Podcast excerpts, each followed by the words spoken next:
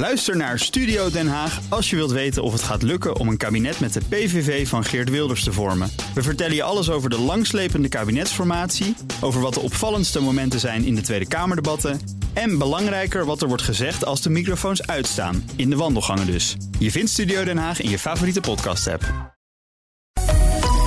Economenpanel. Als het aan de Europese Commissie ligt, dan staan de Europese begrotingsregels tot 2022 buitenspel. En de doorrekeningen van de verkiezingsprogramma's die zijn eensgezind. Het bedrijfsleven krijgt de komende jaren te maken met een lastenverzwaring. Blijft Nederland interessant om te ondernemen en te investeren? Dat en meer bespreek ik in het Economenpanel. En daarin zit Harold Benink, hoogleraar bankwezen en financiering van de Tilburg University. En Menno Middeldorp, hoofd van Rabo Research. Menno, een nieuwe titel. Is dat reden om jou te feliciteren?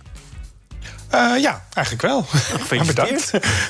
ja, wat, wat doe je als hoofd Rabo Research? Ja, het, het, heeft eigenlijk meer met, uh, ja, eigenlijk precies zoals de titel zegt, de hoofd van Rabo Research. En Research, uh, Rabo Research is de, de onderzoeksafdeling van uh, de Rabobank.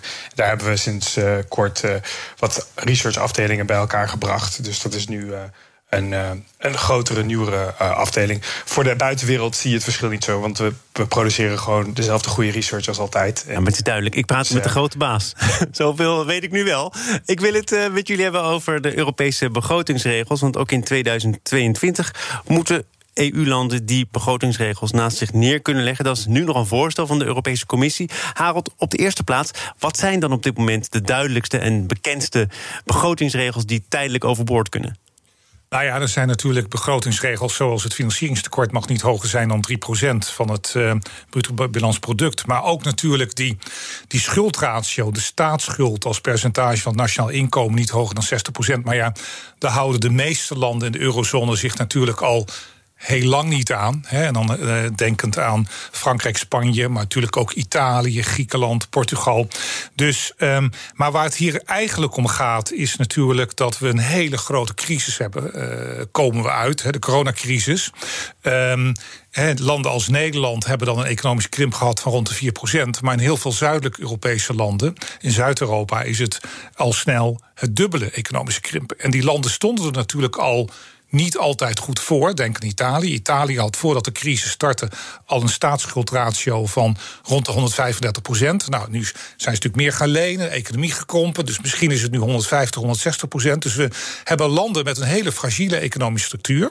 Dus daar past ook wel bij dat je dus voorzichtig bent om nou daar hard in te gaan bezuinigen. Economische hervormingen daar zijn denk ik uh, heel belangrijk. En we hebben natuurlijk ook niet voor niks dat grote corona-herstelfonds vorig jaar aangenomen van die 750 miljard. Om die economieën, met name in die landen, te activeren. Ja, maar je zegt uh, die landen stonden er al niet zo best voor. Dat hebben we ook in het economenpanel wel eens uh, ja. besproken. Hè. Moet er nou strenger worden opgetreden? En telkens kwamen de Italianen met een list. Of de ruggengraat van de Europese Unie bleek niet zo, uh, zo stevig als eerder werd gedacht. Maar door nu te zeggen, die begrotingsregels die gelden ook de komende jaren niet, zou je net zo goed kunnen beweren. Ze kunnen daardoor dieper wegzakken in het moeras. Ja, maar in dat corona-herstelfonds, dat is een goed punt. Maar dat wat je daar ook ziet, zit ook iets in van economische hervormingen. Dus je wilt toch eigenlijk met die landen die koppeling leggen met economische hervormingen en steun. In de zin van het opschorten van de begrotingsregels. Maar ook die 200 miljard die Italië uit dat uh, corona-herstelfonds krijgt. We hebben nu een nieuwe premier van Italië. Een welbekende Mario, Mario Draghi, Draghi, de oud-president van de ECB. Dat vind ik wel hoopgevend, want het is wel iemand die natuurlijk gewoon, um, zeg maar, um, heel goed economisch, maar ook het politieke spel uh, zeg maar beheerst. En die natuurlijk ook weet dat er in Italië een aantal dingen moeten gebeuren. Ja, dus uh, Menno, uh, Harold is er vrij duidelijk in. Zeker die zuidelijke landen waar al sprake was van een fragiele economische situatie. Die moet je nu niet extra hard proberen aan te pakken en de teugels proberen strak te trekken. Sta jij er net zo in? Ja, ik denk dat het niet zo heel veel zin zou hebben om, om dat nu te gaan doen. Ik denk dat je op twee manieren, uh, één die Harold al noemt en een ander um, die erbij komt. Ten eerste, zoals Harold zei, um, het, het, maakt de situatie op korte termijn qua economische groei niet beter. Waarschijnlijk alleen maar erger als je nu de teugels gaat aantrekken. En dan wat er ook nog eens een keertje bij komt, als je nu een ruzie krijgt tussen de, um, tussen de Europese Commissie en Italië, uh, dan zou je juist kunnen zien dat de, de marktrentes wat oplopen voor Italië, omdat er dan weer gevreesd wordt naar de toekomst van Italië in de eurozone. En dat zou alleen maar het duurder worden om die schuld te dragen. Dus het, het heeft eigenlijk niet zo heel veel zin. We moeten naar structurele oplossingen. En laten we inderdaad hopen dat uh, Super Mario Draghi uh, daar uh, die structurele oplossing kan vinden. Want wat Italië echt nodig heeft, is groei op lange termijn. Dat herstelfonds, daar worden inderdaad wel criteria aangesteld. Hervormingen moeten aan de orde zijn. Groen investeren, digitalisering. Toch proberen misschien in het geval van Italië iets te doen aan je sociale zekerheid misschien. Maar hiervoor geldt toch ook dat je daar niet per se van uit kunt gaan dat het dan ook echt gebeurt, Menno? Of denk jij er anders over? Nee, dat klopt. Dat is natuurlijk het hele lastige. Is, want we zitten toch in een situatie dat de Europese Commissie heeft niet echt een hard middel om, om een land te dwingen iets te doen. Uh, in die zin zijn het de markten die vaak juist um, uh, dingen hebben afgedwongen, omdat daar nog Italië moet aankloppen voor, uh, voor geld. Um, ook al met het herstelfonds heb je wat meer middelen in handen. Maar dan werk je natuurlijk via de, um, in plaats van, van de stok, via de, de beloningsaanpak. Als je deze dingen gaat doen, die juiste investeringen gaat doen, die kunnen bijdragen aan lange termijn groei, dan kan je via dat herstelfonds dat geld krijgen. Nou, als dat systematiek goed werkt, dan geeft het wel hoop dat in ieder geval um, er, er, geïnvesteerd kan worden in langetermijn groei in Italië. Zo, wat, zoals ik zei, om die schuld draagbaar te maken, is dat wat ze echt nodig hebben. Nou ja, het interessante is, ik ben zelf, ik heb het ook wel eens in deze uitzending eerder verteld, uh, over gehad, dat ik ben zelf voorzitter van een Europese groep van hoogleraren. En we hebben eigenlijk sinds 2016, uh, zeg maar, al ver voor corona gepleit, maak een beleidsplan voor Italië van economische hervormingen voor de komende vijf jaar. Ga dat monitoren, bijvoorbeeld arbeidsmarkthervormingen. En als dan blijkt dat Italië aan het eind van elk jaar bepaalde concrete stappen heeft gezet, ga ze dan belonen met investeringen. Nou, dat was allemaal politiek onbespreekbaar. Hè, allemaal alles wat te maken heeft met euro en, en Zuid-Europa, ook in de Nederlandse politiek, is heel eh, gevoelig. Wat er nu gebeurd is natuurlijk vorig jaar, is wel dat herstelfonds gekomen. Maar ja, er werd dus eerst upfront het geld komt er. En vervolgens zijn we gaan zeggen, ja, dan moet je ook wat aan economische vormingen gaan doen. Dus het is precies de verkeerde volgorde. Wat wij bepleiten van, maak nou eerst dat plan en ga dan belonen de carrot en stick benadering. Dus ja, we, het is, we moeten om uh, gaan inzetten op die hervorming van Italië. Maar we hebben nu iets minder het machtsmiddel van beloning in handen. Ten opzichte van het, eh, de situatie dat we dat plan eerder hadden uitgerold. Maar volgens mij is uh, premier Rutte degene geweest, althans zo percipiëren wij dat in Nederland, die een vetorecht heeft afgedwongen. Hè. Dus als het allemaal niet deugt, als die plannen niet door de hoepel kunnen, dan kan een lidstaat, een individuele lidstaat, nog zeggen: hartstikke mooie plannen, maar ze voldoen niet aan wat wij belangrijk vinden. Dus het gaat niet door. Nou, het is de noodremprocedure, maar ik denk dat het heel uh, onwaarschijnlijk is dat een land als Nederland uh, uh, in zijn eentje of met een paar andere landen. Hè. We hebben toen de, de vrekkige vier gehad, hè, de Frugal Four met Oostenrijk en Denemarken en Zweden. Dat kunnen doen. We moeten ook niet vergeten, hè, uh, Menno zei er net al iets over, ook over de politieke dynamiek tussen Noord- en Zuid-Europa. Kijk, het is natuurlijk vorig jaar wel gigantisch uit de hand gelopen. Hè, Hoekstra wordt niet zoveel be, uh, belicht in de huidige campagne, maar is natuurlijk een ongelofelijke ruziepartij ontstaan. Maar hij doet daar heel, zelf heel ja. stoer over, want, ja, want het wordt in de media niet zo, niet zo veel besproken. Maar hij zegt zelf: kijk mij eens. Ik ben opgestaan tegen die zuidelijke lidstaten. Maar ik weet ook nog dat hij heel goed, voor het, heel goed dat hij geïnterviewd werd door het NOS-journaal, staande voor het ministerie van Financiën. En dat hij zei: van als er zoveel mensen in Europa zo boos worden, dan heb ik iets niet goed gedaan. En uiteindelijk, kijk, er was een slaande ruzie tussen uh, Hoekstra en de Italiaanse minister van Financiën midden in de nacht. Dat was toen net voor Pasen vorig jaar. En toen is de Franse minister van Financiën ook opgestaan en die gezegd: het is toch wel heel erg dat hier nou gewoon een grote ruziepartij uitbreekt, terwijl de lijkkisten door de straten van Bergamo rollen. Later in de zomer is dat corona-herstelfonds wel gekomen, maar heeft Mark Rutte als premier wel die zaak uh, eroverheen getild. Maar wij moeten niet onderschatten dat de gevoelens in een aantal Europa, in Frankrijk en Zuid-Europa dat het heel fragiel is. Het is echt iets van het nieuwe kabinet om daar uh, zeg maar aan te gaan werken en veel meer in te zetten op een pro-Europese koers dan wat Nederland het afgelopen jaren heeft gedaan. Laat ons ook nog even kijken naar de huishouding van ons eigen Nederland. Want de opbouw van de Nederlandse staatsschuld valt in vergelijking tot die tijdens de kredietcrisis van 2008 behoorlijk mee. Eerder heeft Frank Notte van het Centraal Bureau voor de Statistiek daar iets over gezegd bij onze collega's van de Ochtendspits. Er werd wel een hoop extra uitgegeven. Uh, toch is het wel een andere orde van grootte. Want uh, in 2008 toen steeg de staatsschuld of de uh, Rijksoverheidsschuld hebben we het in dit geval over. Met ruim 80 miljard euro. En nu was de stijging 42 miljard euro. Dus iets meer dan de helft dan de, van de toename van toen in 2008. Menno, is het eigenlijk, ondanks dat het over die vele miljarden gaat, klein bier vergeleken met de vorige crisis? Klein bier is misschien iets te, te klein. maar uh, het, het is, als je gewoon kijkt naar de staat van, van, de, van de Nederlandse staatsfinanciën dan zou ik me daar geen zorgen maken. Zeker gezien de huidige renteniveaus. Hè? Want we zitten gewoon op negatieve rentes voor sommige looptijden. Dus dat is wel een, een, een zeker een aantrekkelijkere positie dan we zeg maar, vlak na de vorige crisis hadden. Ja, het blijft altijd wel een belangrijke kanttekening, hè? gezien de huidige renteniveaus. Ja, dit is ook een belangrijke kanttekening. Maar het is niet zo dat als je hoge renteniveaus hebt, dat je dan meteen in de problemen komt. Omdat juist die lange looptijden, waar je je op kan op financieren, die lopen Ehm, je, je hoeft je niet meteen direct voor je hele schaatsschuld elk jaar opnieuw te financieren. Dus die, die hoge rentes lopen er pas langzaam in. Dus dan heb je nog wat tijd om er wat aan te doen. Uh, en misschien dat we daar straks ook nog iets over zullen zeggen. Maar in juist deze lagere renteomgevingen, als je dat geld leent om daar nuttige dingen mee te doen, echt te investeren in de groei van je economie, kan je ook op die manier je schuld in de toekomst draagbaarder maken. Harald, wil je alvast daarop inhaken? Of kan ik gewoon zo meteen met jullie die doorrekeningen van die politieke partijen bespreken en komt het dan nog terug? Dan komt het terug. Laten we dat doen? Zaken doen. En dat doe ik samen met Harold Benink, hoogleraar bankwezen en financiering aan de Tilburg University. En Menno Middeldorp, hoofd van Rabo Research. Want die doorrekeningen die zijn een feit. Het uh, eh, CPB heeft zich daarover gebogen. Overigens ook het planbureau over de leefomgeving. Belangrijke conclusie was: er komt een lastenverzwaring aan voor het eh, bedrijfsleven. Um, had je dat zien aankomen, Harold? Nou, dat politiek gezien wel. Maar uh, het opvallende is natuurlijk, um, daar is veel over gezegd en geschreven al natuurlijk, dat de Partij van de Arbeid met die 42 miljard uh, heel hoog. Um, ja, hoog scoort, zeg maar, tussen aanhalingstekens. Terwijl heel veel andere partijen die zitten misschien rond de 5 miljard of 10 miljard. Dus ik denk die 42 miljard, dat is toch wel een hele zware lastenverzwaring, die denk ik ook niet realistisch is. Nou, Lilian Ploemen zegt dan, kijk eens, die lastenverzwaring is een feit... maar bij ons loopt de staatsschuld ook niet op de komende jaren... of minder op dan bij andere partijen. Dus ja, je moet ergens de rekening dan leggen als je dat belangrijk vindt. Zeker, maar de vraag is natuurlijk ook in welke mate dit weer prikkels geeft voor bedrijfsleven. Bijvoorbeeld om productie vanuit Nederland weg te halen, weg te schuiven naar andere landen.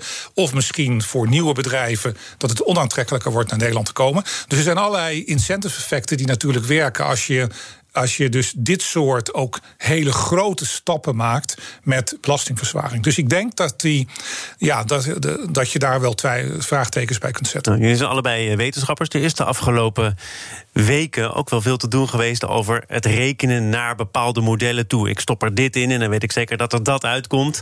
En dat betekent dus ook dat je alles wat er uitkomt eh, niet zomaar eh, moet aannemen als de waarheid of de werkelijkheid. Hoe kijk jij dan naar de waarde van die doorrekeningen, Harald?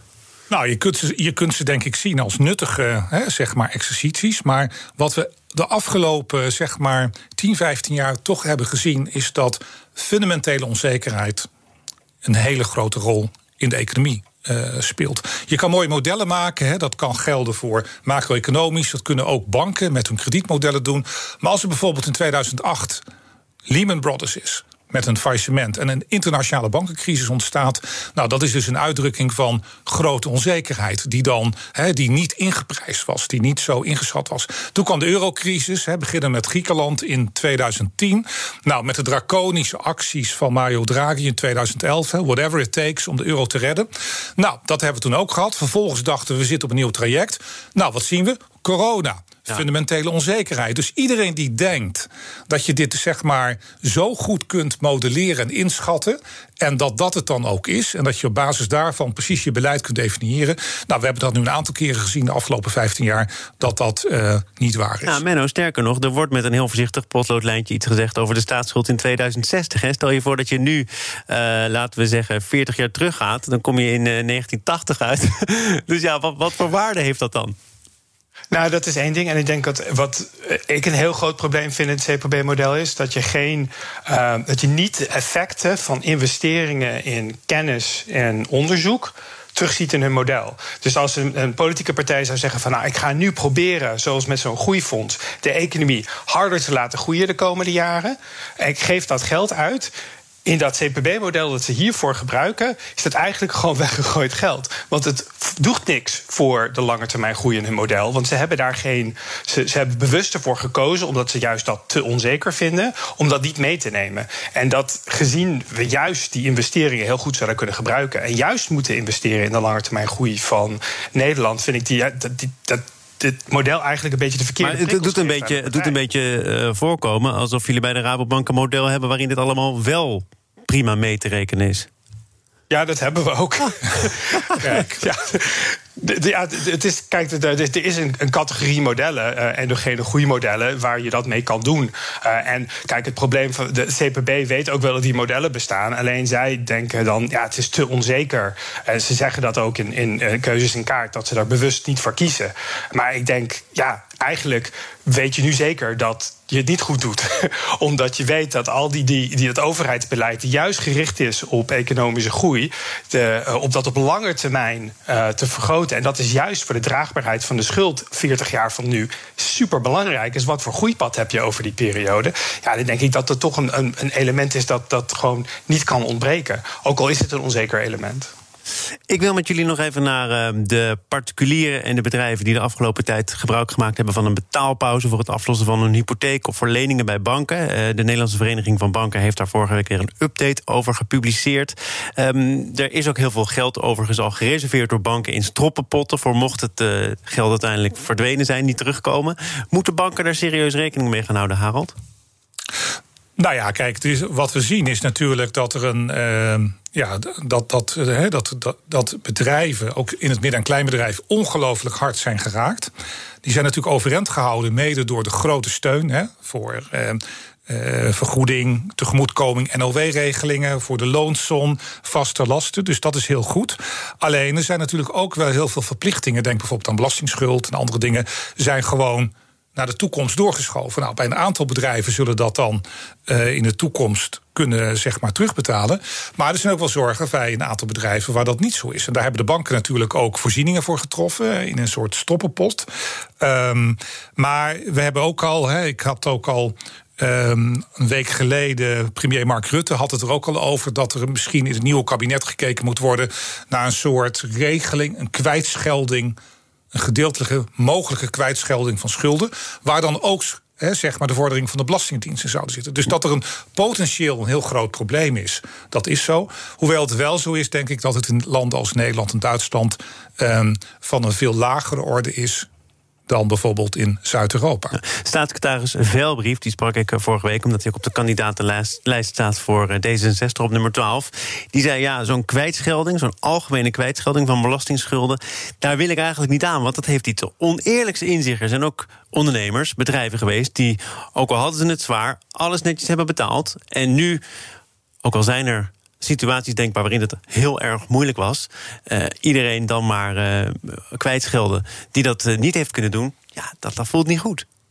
Nee, maar je, je, hoeft ook niet iedereen kwijt te schelden. Maar kijk, um, je kan natuurlijk een situatie hebben dat een aantal, een bepaald percentage van de bedrijven gewoon. Um, failliet dreigt te gaan. En dan is ook eigenlijk ook alle steun die nu ja, tot nu toe voor inkomenssteun en vaste lastensteun gegeven is, zegt nou, we hebben je gesteund.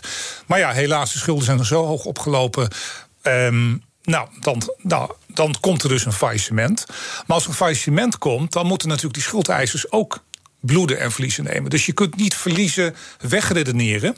Dus, maar je moet het dus wel selectief doen. Je moet natuurlijk wel kijken van wat is, het, uh, wat is de, de groeikracht en bestaansrecht van bepaalde bedrijven. Een van de situaties is natuurlijk ook uh, waar je als ondernemer mee te maken krijgt. Uh, het loket bij de bank. jij mag wel geld nodig hebben, maar krijg je het ook? In het begin van die crisis waren banken daar vrij soepel in, is in ieder geval het beeld. En inmiddels zijn banken wat minder scheutig met het verlenen van kredieten. Eerder was uh, op BNR Credion-directeur Carlo van der Weg te horen. En die zei er dit over. Ja, wat wij heel erg vinden. Kijk, als je goed kan aantonen dat je gewoon een goed performende onderneming was. Ook al was dat in de horeca.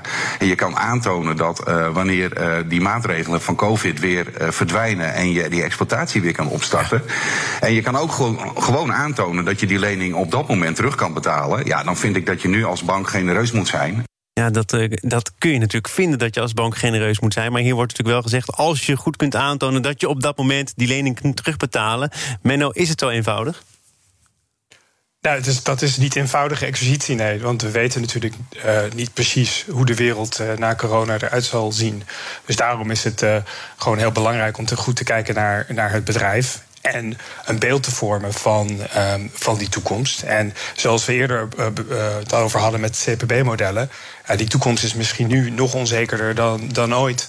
wat betekent het dat een, een analyse van de wereld na corona. Um, um, ja, complexer is. Uh, die toekomstbestendigheid uh, bepalen van, van specifieke bedrijven. Uh, heeft een heleboel complexe factoren met zich mee. Denk bijvoorbeeld aan, denk bijvoorbeeld de horeca is denk ik fundamenteel. Denk ik dat mensen behoefte zullen hebben om weer uit te gaan na corona als het weer mag. Maar stel je voor dat we bijvoorbeeld zien dat mensen veel meer thuiswerken.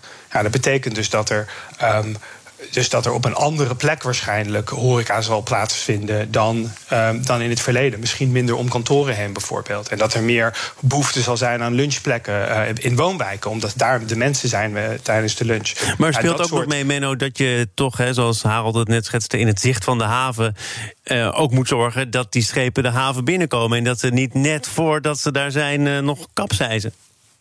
Ja, absoluut. Maar dan moet je wel het gevoel hebben van dat die haven er is. Oh ja. uh, dus dat gaat om die toekomstbestendigheid. Um, en dus zoals ik net zei, dat is heel complex. En als ik even terug te komen naar die voorbeeld van die horecabedrijven.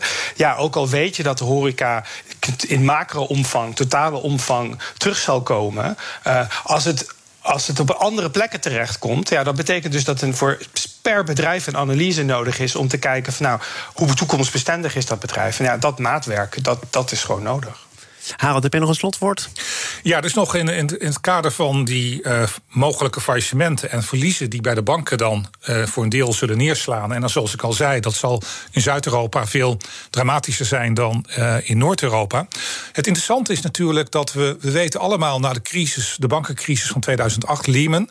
Toen hebben we, bleek dat de kapitaalbuffers van banken, eigen vermogen, onvoldoende waren. Dat hebben we toen verhoogd met Basel III. Daar zijn stappen gezet.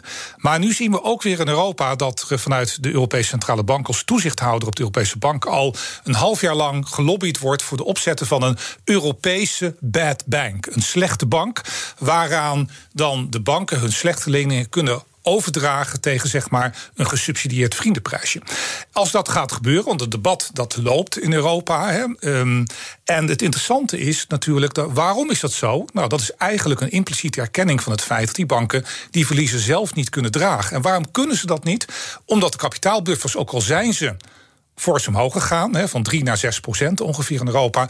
Dat die buffers zijn nog steeds historisch aan de lage kant. En blijkbaar niet voldoende om de coronaverliezen te kunnen dekken. Als er een Europese badbank er zou moeten komen, dan, dan, dan is dat toch weer een signaal dat we verder zullen moeten gaan in de toekomst, de nabije toekomst, met het verder verhogen van de buffers van de banken. Voor ons zit het er vandaag in ieder geval op. Harald Benink, hoogleraar bankwezen en financiering van de Tilburg University. En Menno Middeldorp, hoofd van Rabo Research, leden van het economenpanel. Dank voor jullie bijdrage. Zometeen is hier Caspar Veldkamp van ontwikkelingsbank EBRD. Die bank kwam met een COVID-solidariteitspakket van een slordige 21 miljard. Wat is daarmee gebeurd? Je hoort het zo meteen. Ook Harm Edens vind je in de BNR-app. Je kunt BNR Duurzaam niet alleen live luisteren in de app, maar ook terugluisteren als podcast, zoals al onze podcasts. En naast dat de BNR-app Breaking News meldt, houden we je ook op de hoogte van het laatste zakelijke nieuws. Download nu de gratis BNR-app en blijf scherp.